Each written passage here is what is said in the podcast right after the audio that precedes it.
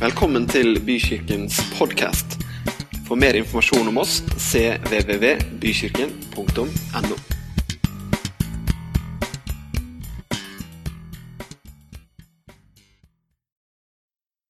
Det er palmesøndag, og vi går inn i den viktigste uka i eh, den kristne kalenderen, i påskeuka.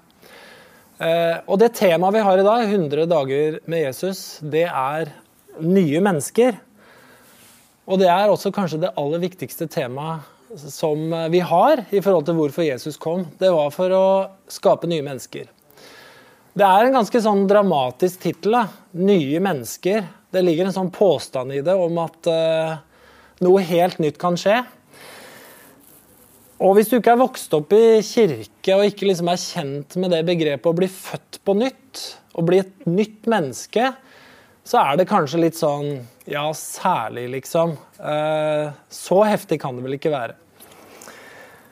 Men vi er jo egentlig ganske positive vi mennesker da, til at det skjer noe nytt. Vi er glad i eh, fornyelse. Vi er glad i at eh, vi fornyer oss. Vi er glad i å fornye det som er rundt oss. Derfor så er vi jo også ofte konsumenter. Vi, vi fornyer oss, vi kjøper nye klær, selv om de klærne vi har strengt tatt fungerer som de skal. Vi kjøper oss ny mobiltelefon, selv om den vi har dekker den funksjonaliteten vi skal ha osv. Så, videre. så dette med fornyelse det er noe vi har egentlig et veldig positivt forhold til. Naturen gjør jo det samme. Plantelivet, nå går vi inn i våren. Plantelivet fornyer seg. Det skal snart springe ut grønt og fint før det visner bort igjen. Og så nyter vi alltid når våren kommer og vi kjenner at det spirer fram noe nytt. Og Gjennom hele Bibelen så er også det med fornyelse det er noe som, eh, som også Gud gjør, og snakker om at som kristen så skal man og bør man fornye seg. Og I Jesaja så sier Gud gjennom profeten i Jesaja 43, 19, Se, jeg gjør noe nytt. Det spirer fram. Merker dere det ikke? Så dette med fornyelse det går igjen gjennom hele Bibelen. Teksten som vi skal lese i dag, er i grunn litt mer heftig enn bare det som handler om fornyelse. For vi skal forholde oss til det begrepet som Jesus bringer på banen, hvor han sier at du må bli født på nytt. Og med det så introduserer Jesus noe som er litt mer enn at noe som eksisterer allerede, blir fornya i ny drakt. Det å bli født, det handler om at noe som ikke er, blir til for aller første gang. Eh, I det daglige så jobber jeg innenfor psykiatrien. Og der lærer man seg veldig fort at man må balansere forventningene med hva som egentlig er mulig. Og man blir ofte veldig sånn hard realist på hva som kan gå an å få til av endring i et menneskes liv eller ikke. Men eh, jeg hadde en kollega en gang som eh, Vi snakka om en eh, person som vi hadde med å gjøre. Og en kollega av meg sa da at der er det egentlig ikke særlig håp om mye forandring. Hvis han ikke møter Jesus, da, selvfølgelig. Og den kollegaen som sa det, var jo ingen kristen. Men allikevel så er man klar over at de historiene, de fins. De historiene lever iblant oss, og mennesker som har vært håpløst ute å kjøre. De kan ha vært ute på rus, de kan ha vært ute kanskje i tunge depresjoner, tung, med tunge psykiatriske diagnoser, og så møter de Jesus, og så har de faktisk blitt forvandla. De har blitt nye mennesker. Og Jesus snakker om det her med å bli helt ny. Og Historien vi skal bruke i dag, det er Jesu møte med en mann som heter Nikodemus. Nikodemus var en av rådsherrene eh, blant jødene, der hvor Jesus eh, var. Eh, det fortelles om Nikodemus litt seinere i Johannesevangeliet, for vi skal lese fra kapittel 3. Men litt senere i Johannesevangeliet, i kapittel 7, så er Nikodemus en av de som eh, argumenterer for at Jesus må få en rettferdig domsfellelse. At han ikke måtte dømmes uten forhør, uten undersøkelser og uten en rettferdig rettssak. Enda seinere i Johannes-evangeliet så ser vi at Nikodemus er en av de som følger i Jesus følge i forbindelse med korsfestelsen. Så Johannes beskriver Nikodemus etter hvert som en som ble en etterfølger av Jesus. Men når vi møter Nikodemus første gang med Jesus, så er det i kapittel 3. Og Vi skal lese teksten fra vers 1 til vers 10. Det var en mann som het Nikodemus. Han var fariseer og en av jødenes rådsherrer. Han kom til Jesus om natten og sa, 'Rabbi, vi vet at du er en lærer som er kommet fra Gud.' 'For ingen kan gjøre de tegnene du gjør, uten at Gud er med ham.' Jesus svarte, 'Sannelig, sannelig, sier jeg deg, den som ikke blir født på ny, kan ikke se Guds rike.' 'Hvordan kan en som er gammel, bli født på ny?' sa Nikodemus.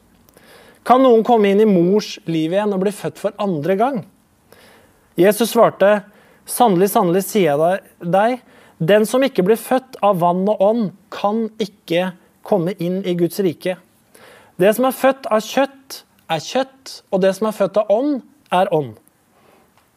Undre deg ikke over at jeg sa til deg, dere må bli født på ny. Vinden blåser dit den vil, du hører den suser, men du vet ikke hvor den kommer fra, og hvor den farer hen. Slik er det med hver den som er født av ånden. Hvordan kan dette skje? spør Nikodemus, og Jesus svarer, du er en lærer for Israel og vet ikke det. Rabbi, vi vet at du er en lærer kommet fra Gud, for ingen kan gjøre de tegnene som du gjør, uten at Gud er med ham. Nikodemus hadde kjennskap til Jesus, men han kjente ikke Jesus. For Blant fariseerne var Jesus stadig et uromoment. Han var en som provoserte, han var en som utfordra, han var en som de diskuterte, en de observerte, en de fulgte med på.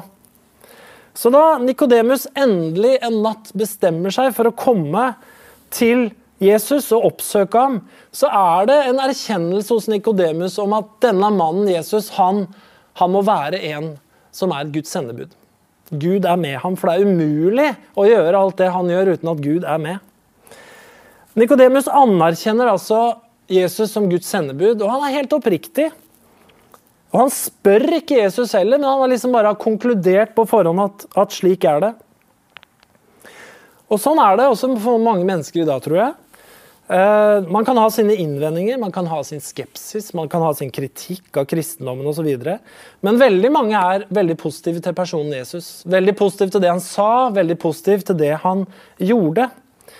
Og Man kunne jo tenke seg da at Jesus ville ta imot Nikodemus litt med sånn åpne armer og si at så bra, Nikodemus. Så bra at du har skjønt at Gud er med meg. Så bra at du har skjønt at jeg er et Guds sendebud, osv. Man kunne jo tenke seg at Jesus ga han en form for anerkjennelse. Eller så tøft det har vært som har kommet her for å snakke med meg. Jeg vet jo at dette kan innebære en risiko for deg blant dine kollegaer osv. Men Jesus leverer jo den litt gåtefulle uttalelsen til Nikodemus bare sånn rett ut av lufta. Hvis ikke du blir født på ny, så kan du ikke se Guds rike. Og Når Nikodemus ikke skjønner helt hva han mener, så kommer han nesten med en sånn anklage. Altså, Du er lærer for Israel, og du har ikke, du har ikke skjønt det her. På en måte så, så kan man tenke at Jesus var litt krass mot Nikodemus. Men det Jesus prøver å si, det er at det hjelper ikke å anerkjenne meg som en som har kommet fra Gud, om du ikke tar imot meg. Om du ikke tar imot det livet jeg har å gi deg. Om du ikke tar imot meg som Guds sønn og som verdens frelser. Uten at du gjør det, så hjelper det ikke at du anerkjenner meg som en som Gud må være med. Uten at du tar imot meg, så kan du ikke se Guds rike. Du kan ikke oppleve det fra innsida og ut. Det må en åndelig endring til, er det Jesus sier. Som fariseer så var Nikodemus først og fremst vant til at det å være gudfryktig og det å leve for Gud, det handla om å gjøre det som var riktig. At du handla riktig. At du fulgte de jødiske skikkene. At du ba når du skulle be. At du ofra når du skulle ofre. At du hadde på deg de rette klærne. At du spiste det du skulle spise, og ikke spiste det du ikke skulle spise. Med andre ord, Nekudemus var vant til å følge loven. Alt det ytre som hørte med i Israel.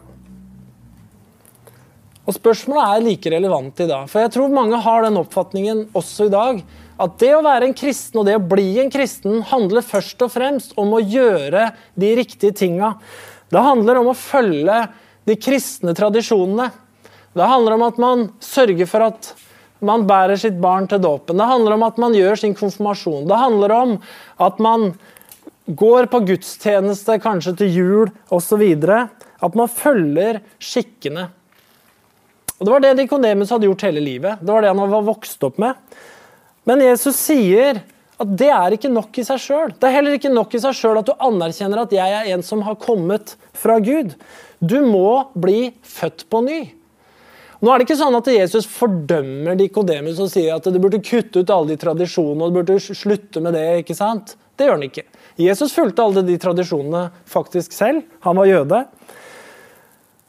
Men allikevel er Jesus veldig klar på at du har ikke adgang til å se og oppleve Guds rike før du blir født på ny ved Den hellige ånd. Vi hadde to fødsler for det som begynner å bli ganske mange år siden. To gutter som kom med to og et halvt års mellomrom.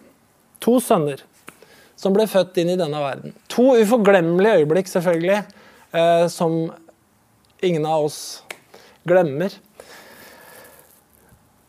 Og det er jo sånn at det å bli født, det kan jo høres veldig enkelt ut. Og for noen så er det veldig enkelt. For noen så er det sånn man er gravid, Vannet går, man drar til sykehuset, og en time etterpå så er det et barn født. Enkelt og greit. Men det er ikke alltid det er så enkelt. Når eh, gutta våre kom til verden, så var det ikke sånn at vannet gikk og det gikk en time på sykehuset. Det tok mellom 25 og 35 timer med begge to før de faktisk ble født. Det var en lang og litt smertefull prosess. En påkjennende kamp, rett og slett. Både for de som skulle bli født, og for oss som var med rundt. Og Jeg tror kanskje at eh, det å bli født på ny ble en sånn prosess, prosess for Nikodemus. Det står ikke noe i historien om møtet med Jesus, at han liksom Ja, Jesus, jeg tar imot deg her og nå og blir frelst, liksom. Nei, Nikodemus får de svara her. Og ut fra hva vi kan lese, så forlater han Jesus, Jesus med litt sånn uforretta sak, og kanskje med mange spørsmål. Men litt senere i Johannes-evangeliet så ser vi Nikodemus som en som har blitt en Jesu etterfølger. Som en som står opp for Jesus. For en som følger etter Jesus når han blir korsfesta. For en som hadde med myrra og salve når han fulgte etter Jesus. Det nye livet Det er jo sånn at i Bibelen så, så loves det et nytt liv. Jesus lover oss et helt nytt liv. På innsida og det er noe, et liv som skal komme innifra og ut, og ikke noe vi kler på oss utenfra og inn. Men det er heller ikke sånn at, at Jesus lover oss at bare du blir født på ny, så skal livet bli problemfritt, det skal bli smertefritt, eh, og alt liksom blir enkelt. Men det han lover, er at om du tar imot meg, så får du Gud som far. Jeg er far til to gutter. Og jeg prøver så godt jeg kan å være en far som det er fint å ha. Jeg prøver å være en far som det er en fordel å ha. En far som stiller opp med ressurser, en som er til stede. En som kan gi dem eh, råd, som kan gi dem veiledning, som kan hjelpe dem til å forberede seg til livet så de kan takle motgang når det kommer, osv. Og, det vil helt sikkert være tilfellet videre i livet når jeg som far ønsker å stille opp for de som jeg har brakt til verden, for å hjelpe dem gjennom vanskelige tider. Og de ressursene får de av meg fordi jeg er pappaen deres. Sånn er det også med, med det her å komme inn i Guds familie. Det å bli født, det handler om å bli født inn i en ny familie. Det handler om å bli født inn i Guds rike, og det handler om å få Gud som far.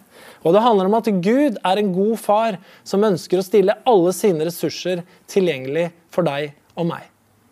Mine barn vet sånn cirka hvilke ressurser jeg har. De kan spørre meg om ting, og det er meg de kommer til. De kommer ikke til pappaen til naboungene. Mine barn kommer til meg og spør, for de kjenner mine ressurser. Gud har tatt oss inn i sin familie når vi blir født på nytt. Det er den familien vi blir født inn i. Og han vil at vi skal vite hvilke ressurser han har, og vi kan komme til han og be. Når Gud er vår far, så handler det om å se Guds rike, om at vi har tilgang på hans ressurser og herlighet. Når Jesus gjorde vann til vin, i bryllupet i Kana så skrives det at han åpenbarte Guds herlighet. Altså Han åpenbarte Guds ressurser. Han gjorde et mirakel, og de fikk se Guds rike. Så historien om Nikodemus, det med nye mennesker, det, det handler om noe mer enn våre ytre handlinger. Det handler om å ta imot. Det handler ikke bare om å betrakte eller å anerkjenne, men det handler om å ta imot Jesus som frelser.